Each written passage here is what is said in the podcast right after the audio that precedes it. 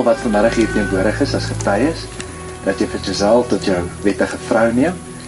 Verklaar jy dat sover jy weet daar geen wettige beswaar vir hierdie huwelik is nie. En dan beloof jy vandag hier voor ons, maar ook in die Here se teenwoordigheid dat jy haar altyd sal lief hê en nooit sal verlaat nie. En vir haar sal sorg soos vir die Here van 'n godsvreesende man verwag. Giselle van jou kant af, aanvaar jy almal wat vanmiddag hier teenwoordig is as getuies dat jy verroet tot jou wettige man neem? Verklaar ook jy dat daar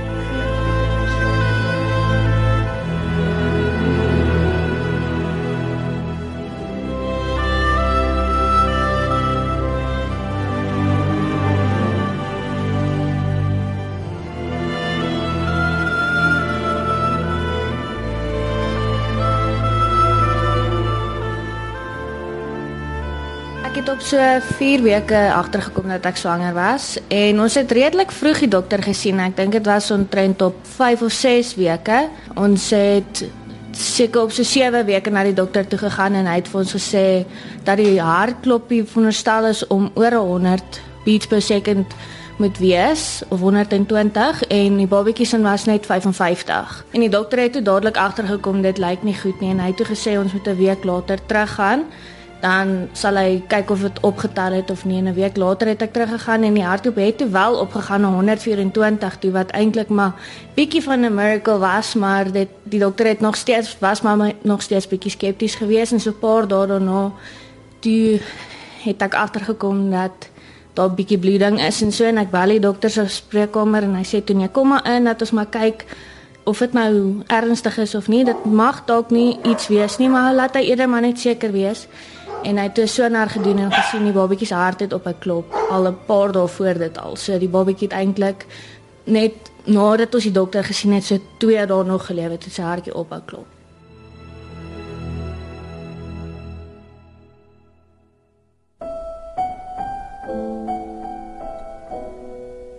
Dit was Giselle van die kerk.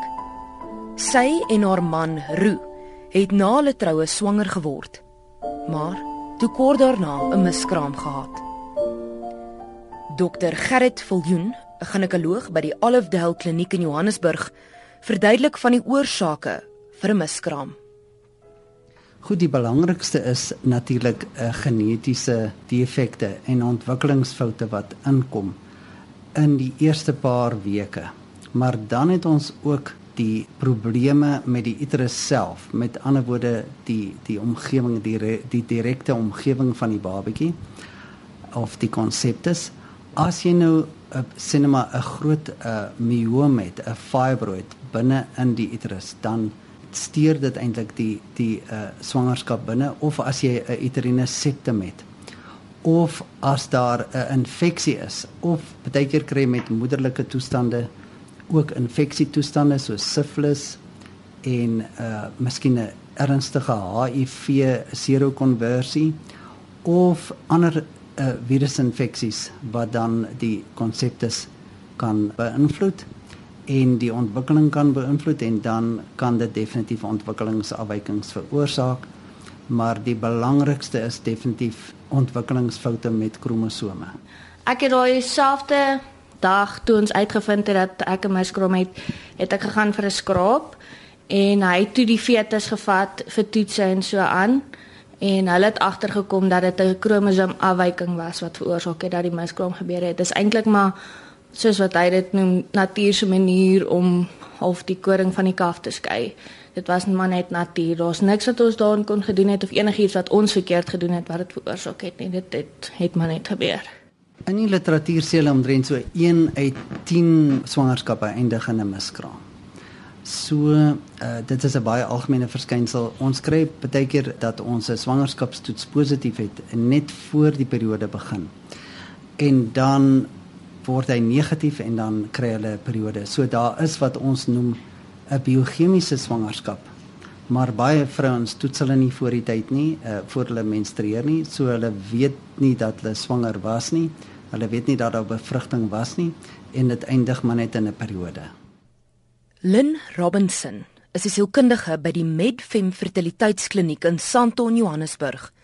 Sy werk daagliks met vroue wat miskrame gehad het. Lynn verduidelik wat se impak 'n miskraam op 'n vrou het. Weet jy, ek dink die verlies daarvan is dieselfde as wat ons in 'n rouproses sal kry en dit hang af van persoon tot persoon. Dit hang ook af sien nou maar iemand wat baie desperaat was vir 'n babatjie wat dalk deur 'n infertiliteitsprogram gegaan het. So 'n persoon gaan dalk nog 'n bietjie moeiliker deur die rouproses gaan en deur die aanvaardingsproses gaan as iemand wat dalk nou na vier kinders nog 'n miskraam het of so. Nie dat dit dit noodwendig makliker maak nie, maar uh, die intensiteit van daai rouproses kan dalk vir die een 'n bietjie moeiliker wees as vir die ander. En ek dink die die hele proses van die verwagting van die die blydskap wat kom met ek is swanger, veral as mens nou desperaat dalk 'n kind wou gehad het en dan die impak dan van maar nou sê die babatjie nie meer daar nie. So die hele verwagting verander dan. En dan uiteraard gaan 'n mens deur die rouproses en dan gaan kyk jy na die element van die rouproses, so die ontkenning en die die kwaad wees, die onderhandelings met die Here partykeer vir al se mense nog 'n godsdienstige agtergrond het en dan op 'n kol hopelik die aanvaarding weet wat wat daarmee saamgaan. Nelda Skutte is een van sewe dogters en het self 3 dogtertjies. Maar Nelda moes ook die paadjie loop van 'n miskraam voor sy 3 gesonde kinders gehad het. Haar miskraam was 10 jaar gelede.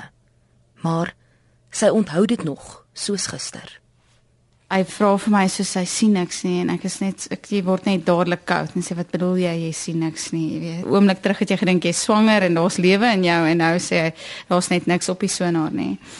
En so nou moet ek vir Herman bel om sê ek is nie meer swanger en ek kan onthou dit was nie vir my 'n lekker experience nie. Ek kan onthou al my susters het kom kuier en ek kan net onthou ek het in my ma se bed gelê en ek het net gehuil en sy het die hele tyd probeer en sê moenie worry, moenie worry nie, jy weet en so en dit is okay, moenie huil nie. En ek wou nie huil op haar stadium, ek ek weet net dat sy sê ek, ek moenie huil nie. Want ek dink sy wou nie gehad het ek moet seer hê. My een suster was swanger, maar ek wou nie ek wou nie noodwendig haar sien nie van hulle almal nie. Ek kan onthou ek het vir haar gekyk en ek het omgedraai na die ander kant toe want ek was nie nou lus om te hoor wat sy sê of niks nie, net omdat sy swanger is en ek is nou offisieel nie meer swanger nie.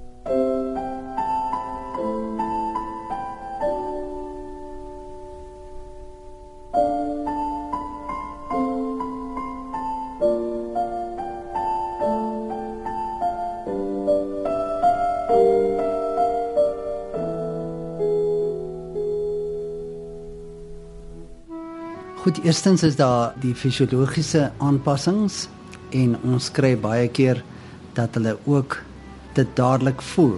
So nadat die eerste periode gemis is, dan kan dit baie keer dadelik voel.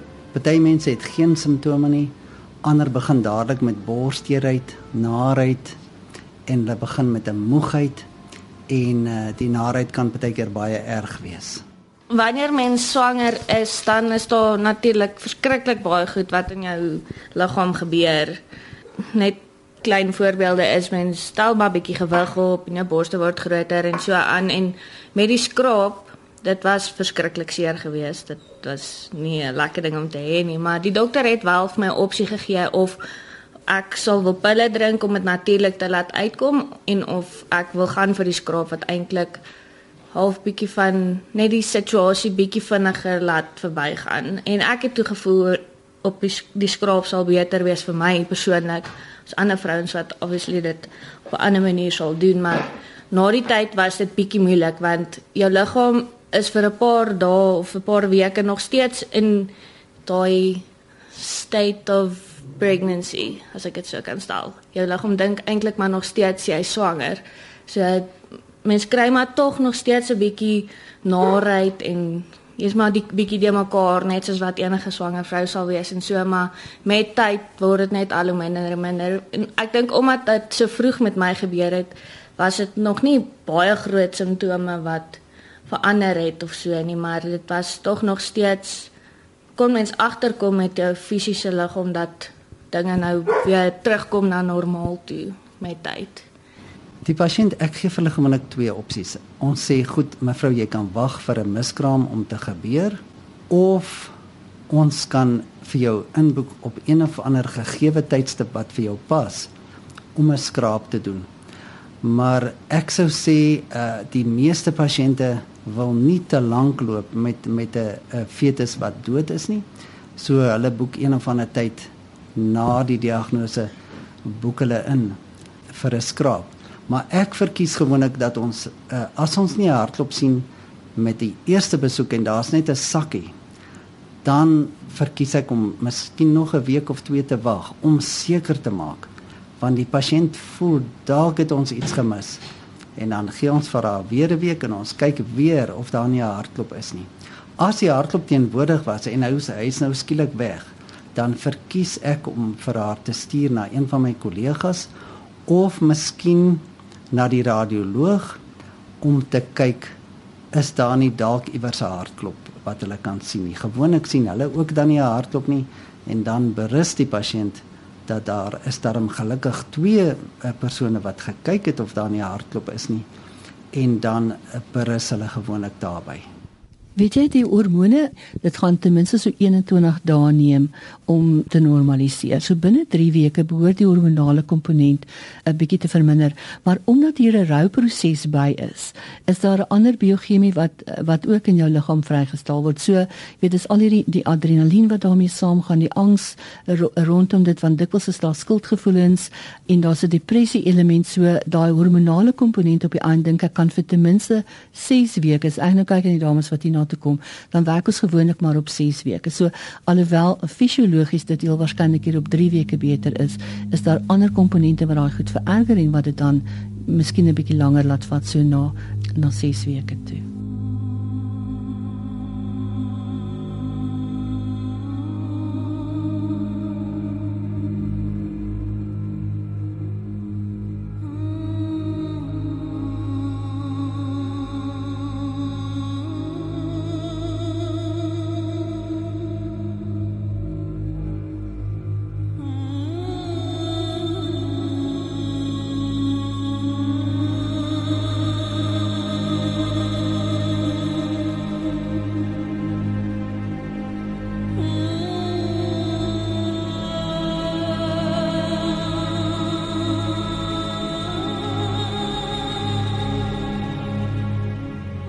Lynn het genoem dat die vrou moontlik skuldig kan voel na 'n miskraam. Dit is maar net een van die gevoelings wat 'n vrou beleef as deel van die rouproses. Ek hoor by Nelda of sy skuldig gevoel het.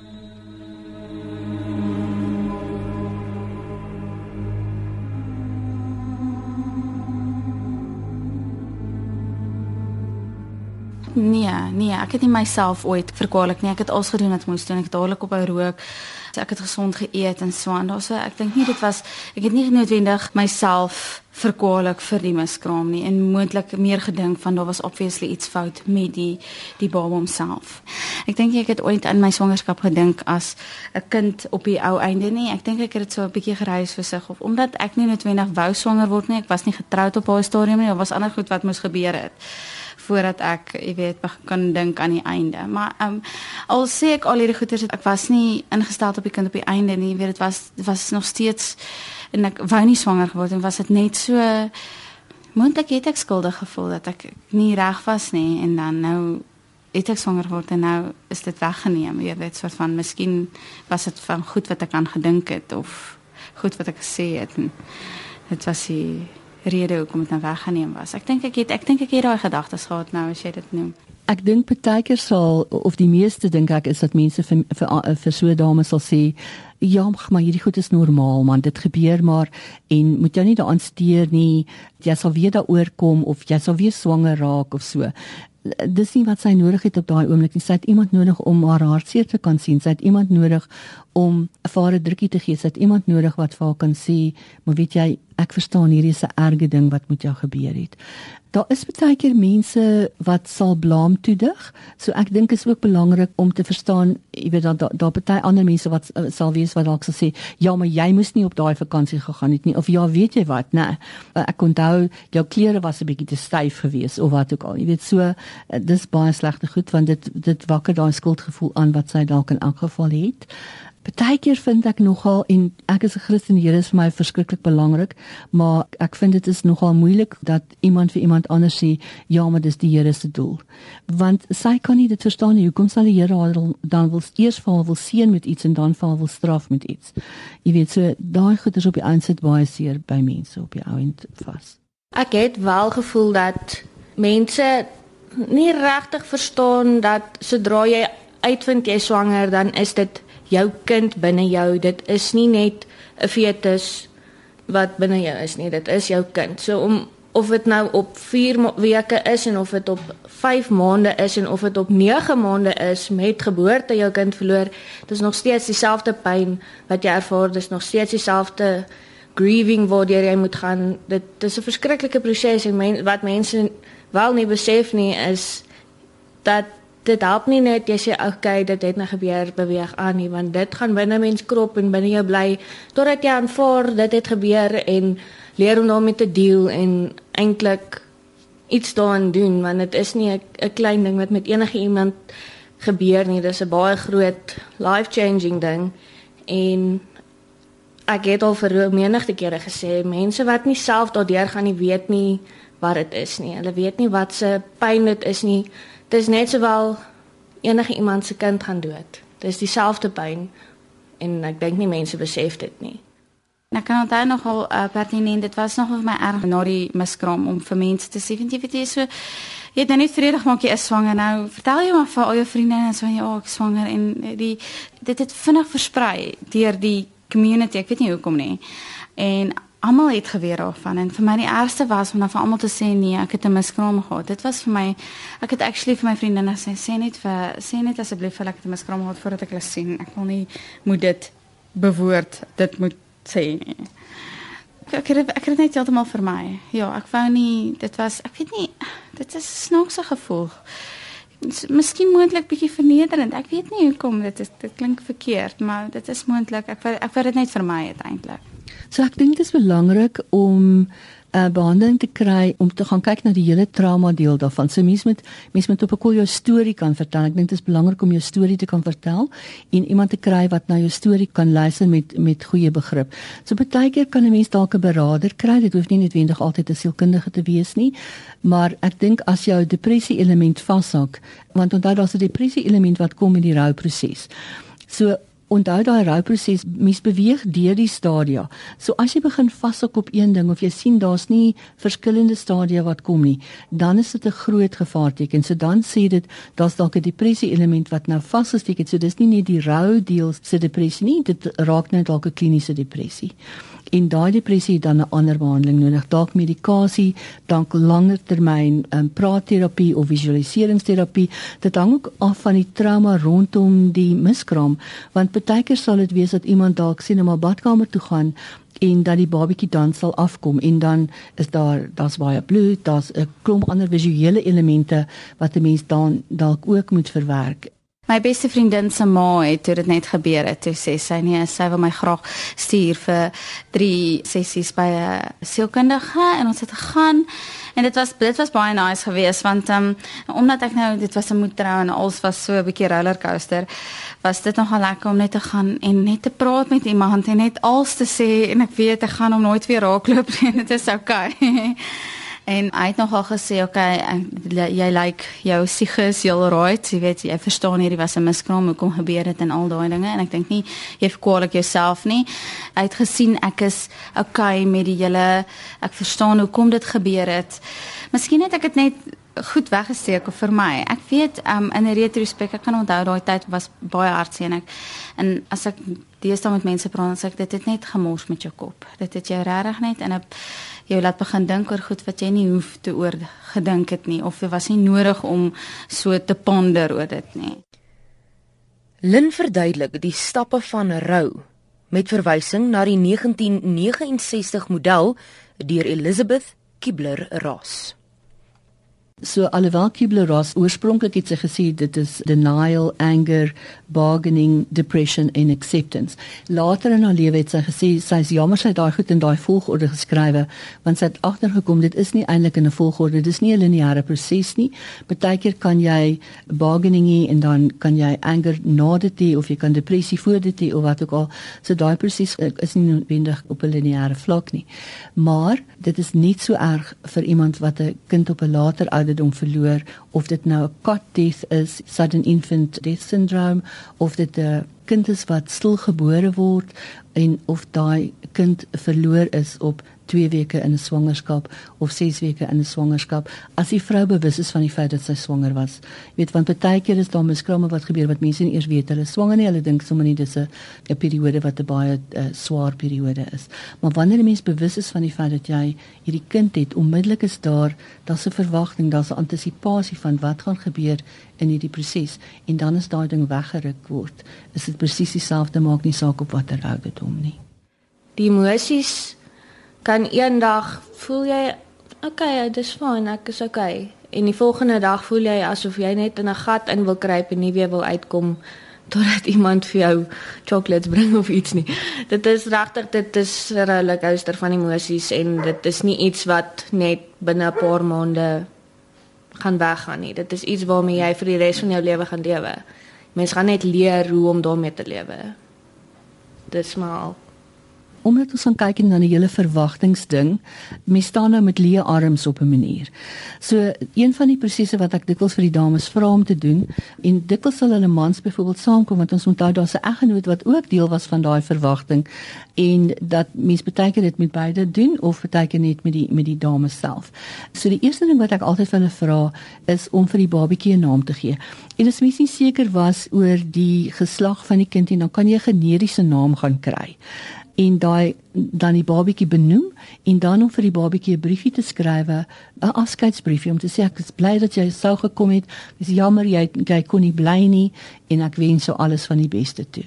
En dan dat hulle 'n plant gaan koop vir my, so of 'n boom of 'n roosboom of enigiets wat 'n lang lewe het, so nie net 'n iets wat net een seisoen gaan blom nie en dat hulle dan daai plant dan versorg so half ter ere van die kind. En baie keer sal sal hulle die briefie byvoorbeeld brand en die assies in die grond rondom die plantjie gooi en so aan. Net as 'n simboliese element van dis 'n memorial vir hierdie kind. Jy weet, ja, en dis nie 'n morbiede ding nie. Dis asof daai ding half hierdie hele ding toewerk en net vir half 'n einde gee aan deel van daai proses wat hulle deurgemaak het.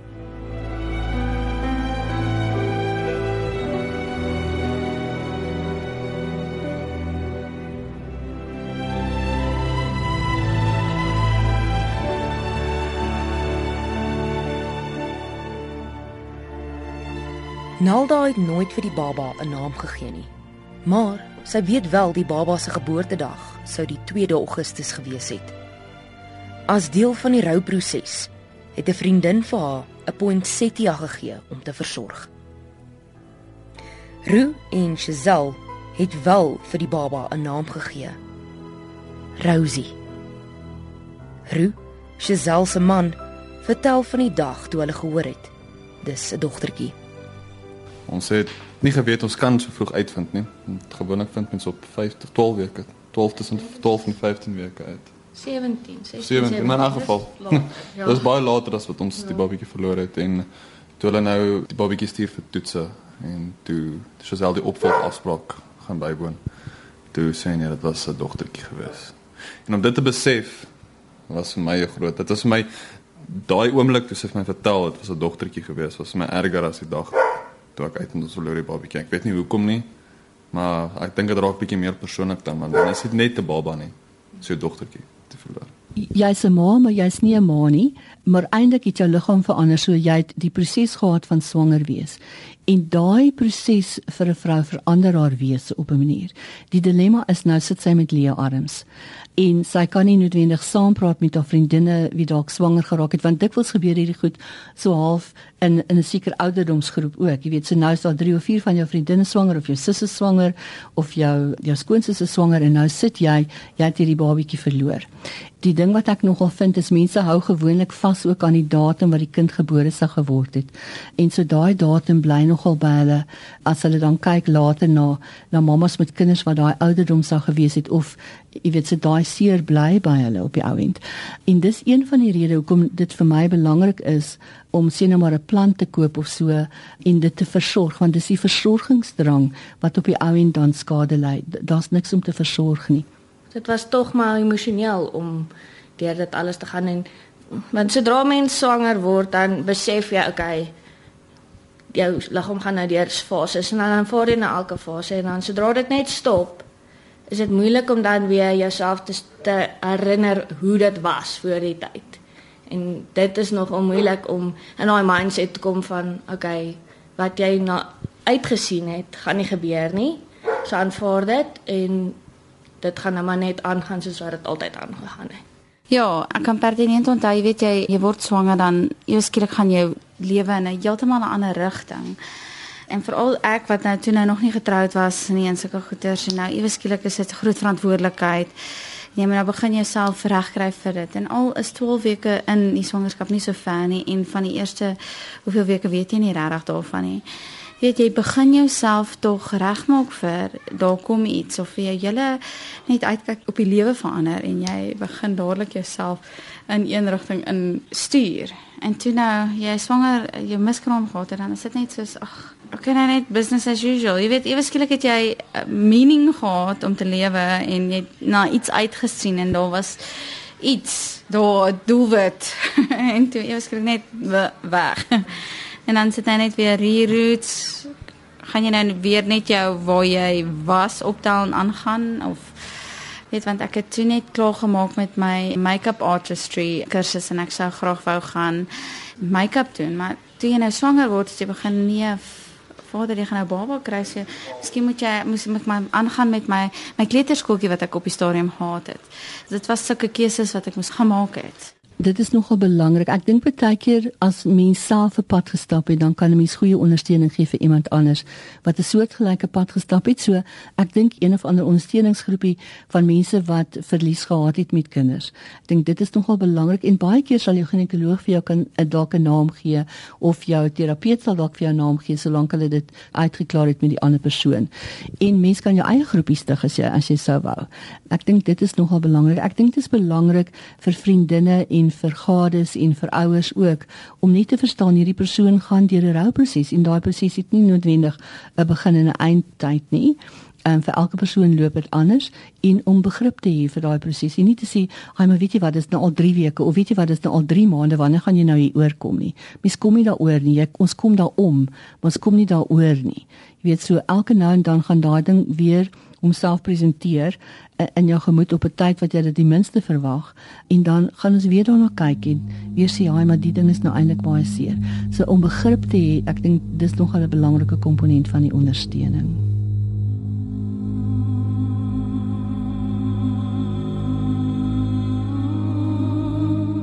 Op daai oomblik wat die dokter besef het die hartjie klop nie meer nie was asof iemand net ek weet nie soos 'n mes in jou maag indruk en al jou darmes uitrek dit is een van die aakligste gevoelens wat ek nog ooit in my hele lewe ervaar het. Ek het self die naaste persoon wat ek verloor het was my skoonpa, hoe se pa se 3 jaar gelede. En vir hom was dit baie meer emosioneel obviously omdat dit sy pa was.